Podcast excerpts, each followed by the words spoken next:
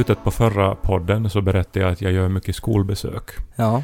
Som författare alltså. Jag åker omkring, berättar om skrivande och böcker. Och så träffar jag elever och, och ja, vi diskuterar litteratur. Mm. Väldigt givande för både mig och förhoppningsvis för de som lyssnar. Ja. Nu kan jag ju, tror jag, inte göra något sånt mer. Jaha. Det blev världens tystnad när jag var eh, förra veckan och jag är i Esbo och, eh, och så, alltså jag har ju en sån här rutin som jag drar. Alltså klart att jag, det är ju inte manusbaserat, jag har ju utrymme för att ta in frågor och improvisation och, och eh, ja, precis som i den här podden, att man låter tanken vandra. Men jag följer Mm. ändå en sorts mall. Och det finns ett sånt här skämt som, som alltid ingår när jag pratar om, om hur du och jag startade vår första hemsida 1998. Och skämtet går ungefär så här att, eh, att eh, det här var alltså 1998. Internet var ju helt nytt. Alltså det existerade inget, inget Facebook och inget Google. Alltså hela internet bestod av tre sidor. Det var två porrsidor och så det som vi gjorde. Mm. Och här brukar det komma hjärtliga skratt. Ja. Men nu sa jag så här ungefär. Att det här var ju 1998 och det fanns bara tre porrsidor på internet.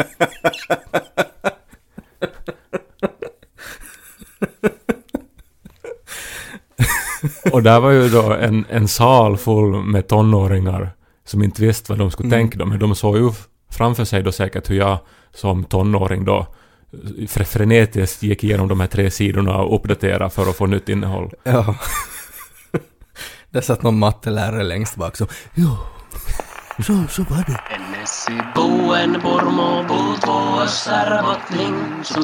Som popna Så börjar vi popnödena popcorn Så börjar vi lys på Ted och Kai Jag lever ju ungkarlsliv jag nu. Janika och Lo är i Pargas. eh, och därför så bandar vi också in hos mig idag. Mm. Här är väldigt tyst. Det är länge sedan det har varit tyst här. För att det är ju den där babyn som skriker. Men eh, när man nu lever ungkarlsliv så då betyder det ju att man, man, man gör ju vad man vill. Man kan äta vad man vill, man kan se på vad man vill och lyssna på vilken musik man vill och sådär. Det måste inte vara cartoons eller någon annan så här väldigt barnvänlig musik. Uh, så jag beställde mat igår då och tänkt lite sådär att okej, men att det är ganska sällan som, som jag är liksom ensam hemma. Att jag måste ju faktiskt liksom dra till med något nu. Att, att nu kan jag inte bara beställa en pizza utan att nu ska jag faktiskt beställa något som jag annars inte skulle göra. Att jag ska unna mig någonting, någonting extra. Och det är väldigt lätt hänt när man beställer mat via sådana här appar att när man ser liksom menyn och det är bara liksom att klicka vidare. Sådär att jag tar det där och jag tar det där och jag tar det där. Ja, om du var hungrig Jag var del. jättehungrig eh, och, och så kollar man ju inte riktigt sådär vad saker och ting kostar utan att nej, jag tar det där, det där låter gott och det där och det där. Och så är det väldigt lätt att köpa och man bara swipar och så är det liksom beställt. Så jag beställde chicken wings för 60 euro igår. Mm, Alltså åt en person. Alltså hur mycket, hur många var det då? Det var väldigt mycket. Men vad, Jag har kylskåpet fullt med chicken wings. Och nu har det så här koagulerat i såna här, alltså det är så här oljefat fyllda med chicken wings. Som jag inte vet hur jag ska liksom tillreda nu för man måste hacka loss dem. Alltså jag tror ju att ungefär hälften av alla lyssnare stänger av podden och kommer aldrig att lyssna mer. Och jag åt ju typ tre chicken wings så jag orkar ju sen inte mer. Men ah, det, chicken wings är så vidrigt. Det Nej, är men- den värsta maten. Ja, men i teorin så det låter ju jätte, jättegott. Alltså du har det är broiler, det är grillat, det är oj, det är dipp och selleri och, och vi sätter några så här spännande smaker i det och, och sådär. Men att i verkligheten så är det ju nästan alltid en besvikelse. Nej, men så här är det ju nu. Och nu eh, finns det också, andra hälften av lyssnarna så kommer jag att påpeka att jag som äter kött nu då har dubbelmoral. Mm. Men till mitt försvar kan jag säga, jag är uppväxt på landet, jag vet hur kött produceras, jag vet var- varifrån det kommer. Men min gräns går när jag eh, förstår, alltså med enkel matematik, när jag förstår att varje kyckling har två vingar. Mm. Så äter du fem chicken wings så är det Mm. tre kycklingar som har dött för att du ska kunna slafsa i dig dem på 15 ja, sekunder. Men de slänger ju inte bort resten utan att det görs ju nog till något något fint. Så om du beställde en hel hink för 60 euro, hur många Ja, kycklingar har du men haft det är det? typ en bondgård. Sen ser jag ju framför mig också det här skolfotot med de här kycklingarna som är uppställda. Eh, för att de, de är så här glada på våren och, och, och så har de sin, sin tupplärare står bredvid då. Från Det borde kycklingakademin. inte vara en höna som är lärare. Och det här var då eh, alltså 22 kycklingar med sammanlagt 44 vingar. Och det här var då strax innan de blev inkallade då till rektorns Efter. office att nu är det någon som har beställt chicken wings på Busholmen. Så direkt efter fotograferingen så kom de in och sprayade dem med olja och grillade dem. Och så åt jag upp dem. Och klagar nu på att det var för mycket mat som jag beställt. Att jag orkar inte äta upp det. Det är ju hemskt. är det är ju vidrigt, Är det det här ju. ögonblicket nu när jag slutar eh, vara dubbelmoralisk och faktiskt blir vegetarian? För det är ju på riktigt vidrigt det här. Ja, men man skulle kunna bli så här lite vegetarian åtminstone. Det skulle ju inte skada något. Men du kan nu börja med att inte beställa chicken wings. Ja, det är ganska lätt. Det är också väldigt så här enkelt att göra när man har gjort någonting som man blir äcklad av. Det är ju det jag tänker med chips hela tiden. Jag brukar säga åt Janika, Janika, orsaken varför jag köper fem chipspåsar nu är att jag tänker äta så mycket så att jag aldrig mer vill äta chips. Men då det funkar inte, utan jag bara äter upp dem och så vill jag ha mer. Jag minns det var en i lågstadiet, en kille som eh, hade kommit, som då hade, blivit påkommen med att smygröka. Mm. Och så hade hans pappa då låst in honom i garaget med åtta paket cigaretter och sagt att han får inte komma ut innan han rökt varje cigarett. Ja, det är ju misshandel det Ja, nästan. otroligt vidrigt. Men, och han röker ju förstås än idag den här killen. Men, Han bara ”Yes! Tack pappa!” nej, Men det är ju som om mina föräldrar skulle ha låst in mig i, i chipsfabriken på Åland. Sagt att du får inte komma ut utan, utan att du har ätit upp allt. Så jag skulle, ju- jag skulle vara där och äta än idag då. väldigt lycklig. Ja.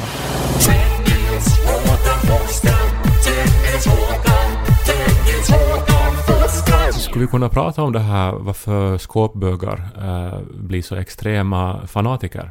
Ja, det kan vi göra.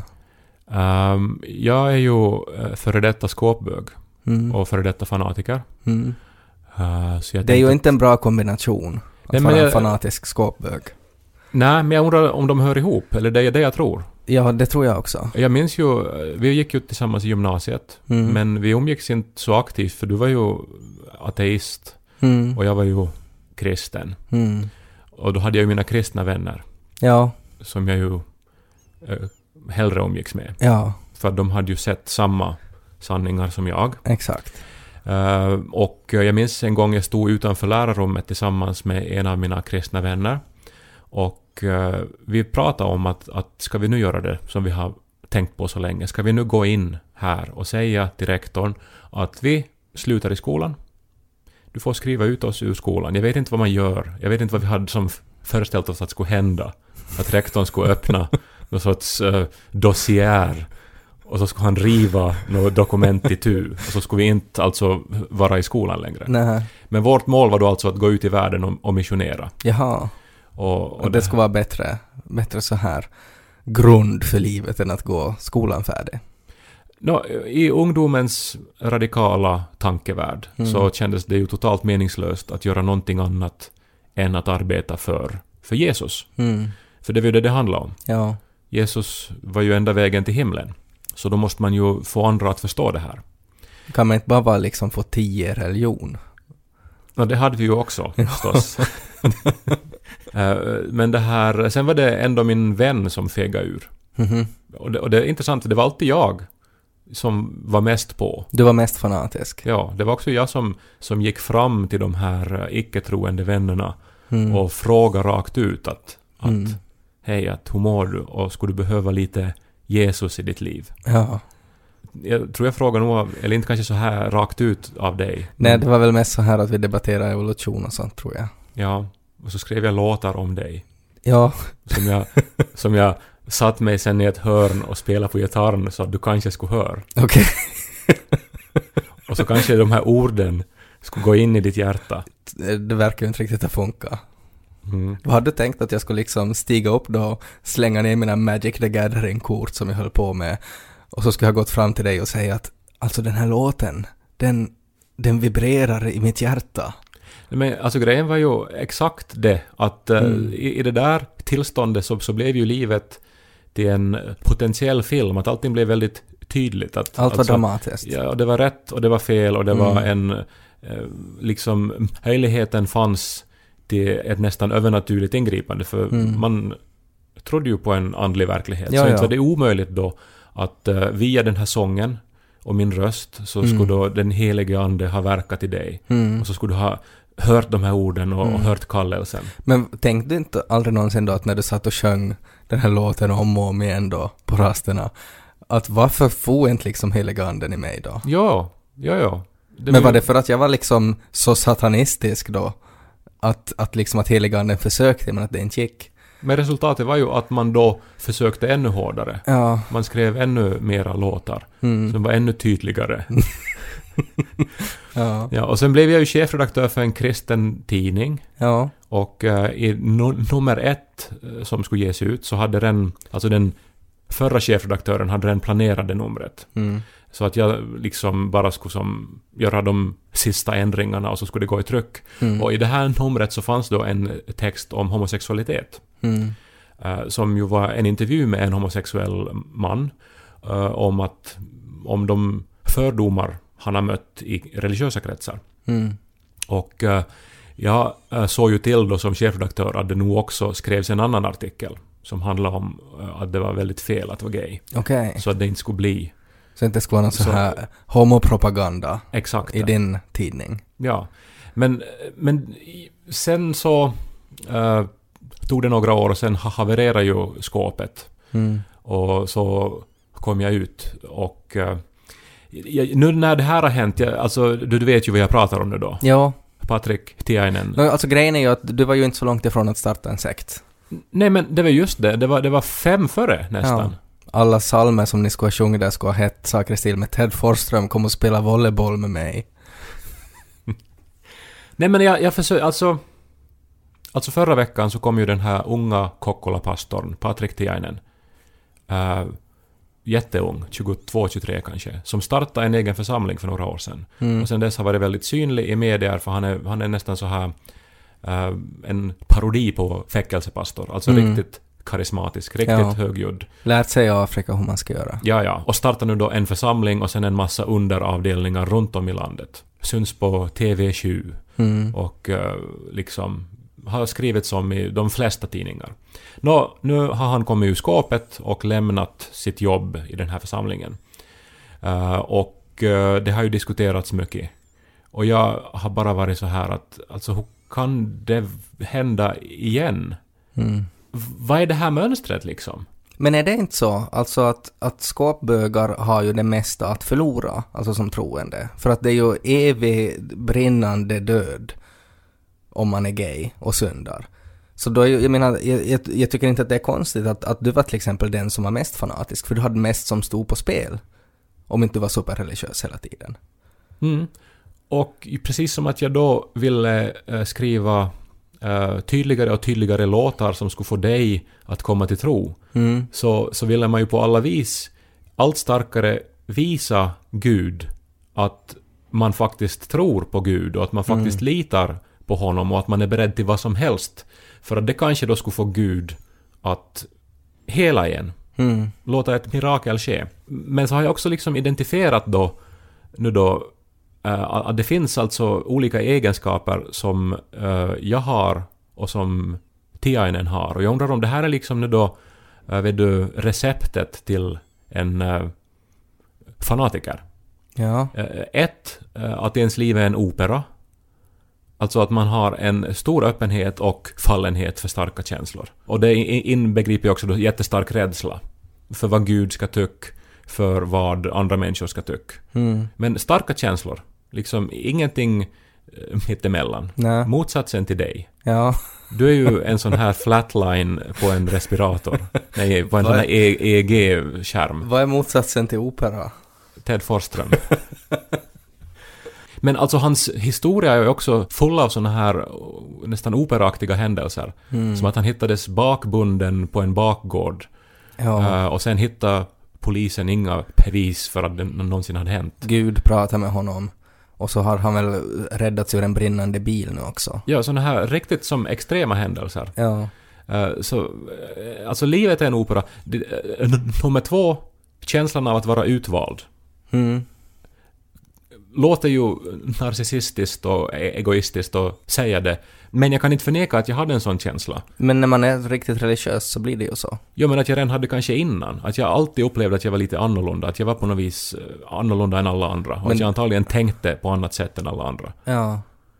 Och jag vet inte om det är en psykisk villfarelse eller är det en fas hos barn eller vad är det? Nå, alla barn känner ju sig så. Alla barn har ju olika former av narcissism. Men att lite åt ett narcissistiskt drag är det ju förstås. Ja. Nummer tre, ett starkt behov av att uttrycka sig. Mm. Som för mig då tog uh, uttryck i att skriva. Har förstått att Patrik Tiainen också har en bakgrund som skribent. Mm. Väldigt litteraturintresserad. Uh, uh, för mig hade jag också den här filen att få andra att skratta. Uh, filen att få andra att känna det som jag kände. Mm. Alltså skrev jag låtar uh, till, till dig. Nummer fyra, helt enkelt att jag är gay. Mm. Och när de här fyra kombineras, alltså opera, att vara utvald, att vilja uttrycka sig och att vara gay. Om man är född i Helsingfors blir man till musikalstjärna, är man född i Kokkola blir man till frikyrkopastor.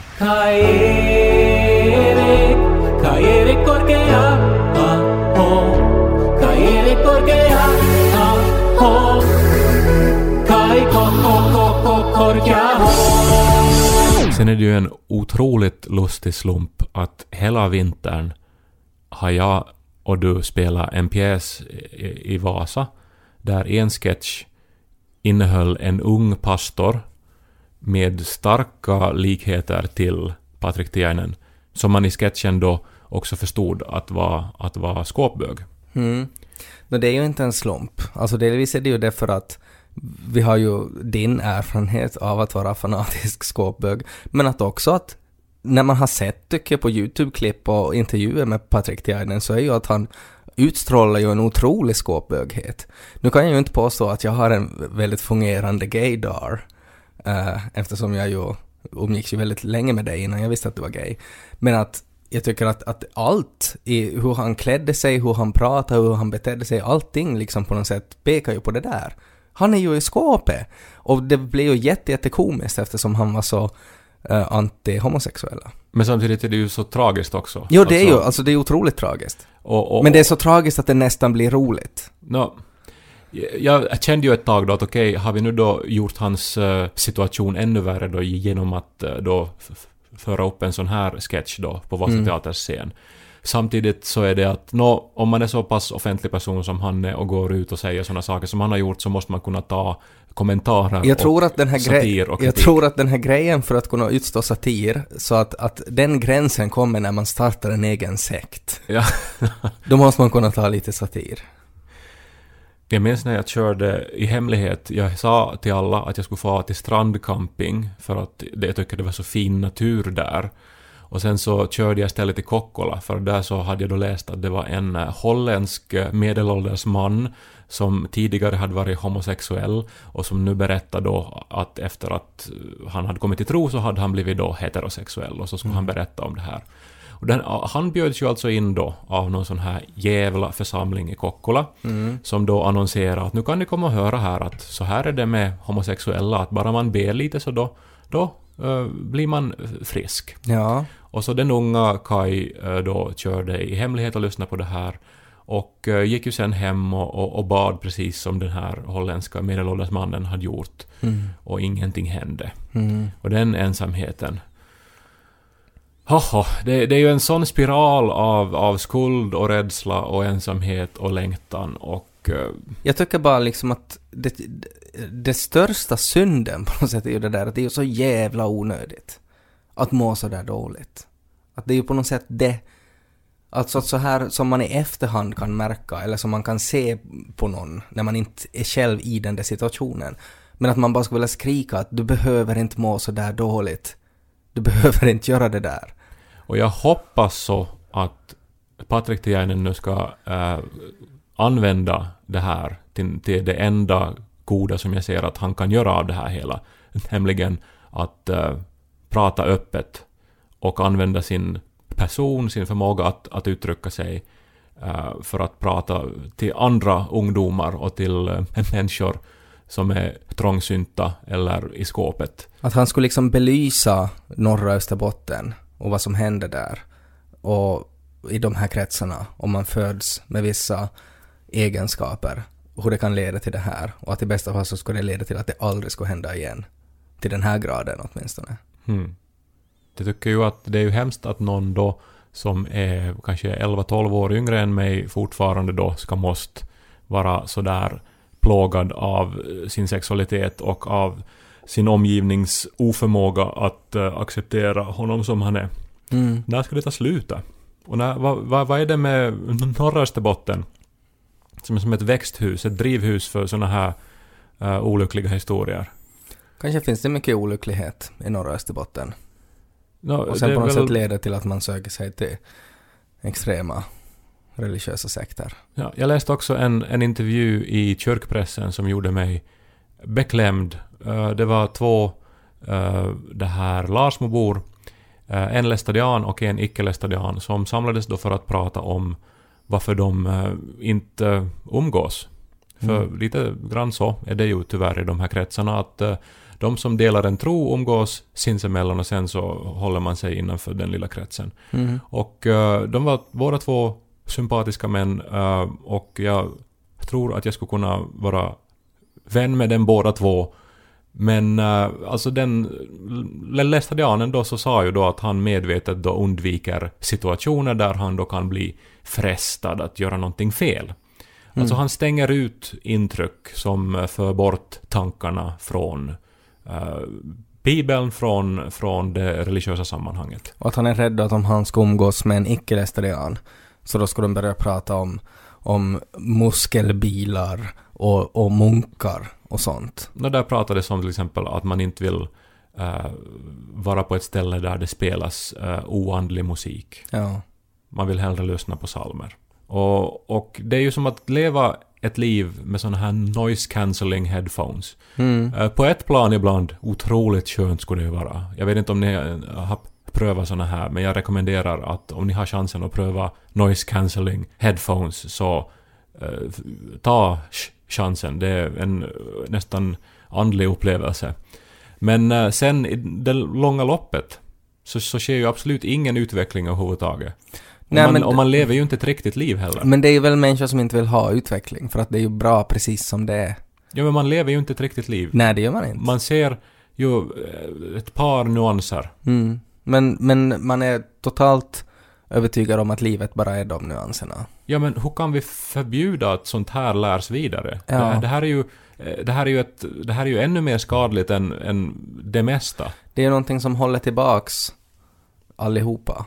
Förhindrande av utveckling. Det är det största brottet som man kan göra. Man måste ju förbjuda religion. För minderåriga. Det är ju ett sätt. Religion kan vara jättebra. Säkert stor tröst för sådana som är i behov av tröst. Men eh, då ska man vara myndig innan du kommer i kontakt med det. Jag är benägen att hålla med. Men kan vi leka med ett sånt här scenario då? Att då när du var som mest kristen, mest religiös, då när du var på väg att gå in och knacka på rektorns rum och säga att nu slutar du med skolan och ska bli hippie istället. Vad skulle ha fått dig att sluta med det? Vad skulle du liksom... Finns det något som, som någon skulle ha kunnat sagt eller gjort som, som skulle ha kunnat vara någonting som skulle ha fått dig att, att på något sätt lite kunna börja tänka på ett annat sätt, lite att komma ur det här enkelspåriga. Nej, alltså det är ju just det, det är ju en uh, en, enkelriktad Ja, men det måste ju väg. finnas Det är ju en någonting. spiral Det måste ju gå, dras. alltså den här, den här resan som du har haft, du har ju tagit dig bort från det där och det har tagit jättelång tid. Det måste ju finnas någonting i din väg som på något sätt skulle kunna kristalliseras till en genväg eller till ett, ett vapen som du kan liksom hugga bort grejerna med. Ja, men det måste ju säkert hända en sån här stor dr- dramatisk eh, krasch, ett, ett sammanbrott, som det som Patrik Tiainen nu då hade när han under oklara omständigheter då hamna i en brinnande bil, där, därifrån han räddades. Då. Uh, och för mig, jag hade inte en sån dramatisk händelse, uh, men liksom en stor besvikelse. Uh, alltså en sån här... Om jag i mig ändå hade ett frö av kritiskt tänkande. Ja, men vad, ska, vad, vad är den här meningen som skulle vattna det där fröet? Vad är den här... Vad är, vad är det här ena tankesättet som man inte stöter på när man är i den där bubblan? Som på något sätt skulle kunna starta något, som skulle kunna starta nya tankeprocesser som skulle leda en till att fatta beslut som tar en ur det här. Så vad är liksom den meningen som man skulle kunna säga åt en sån här människa? För att förhindra att sånt här sker i framtiden. Kanske att du inte ska bortse från de här tvivlen.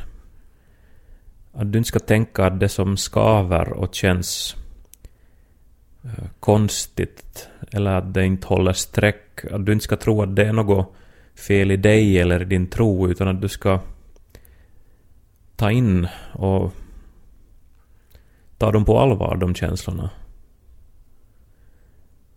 Att du ska vara intellektuellt ärlig. Håller det inte streck så, så strunta inte i det.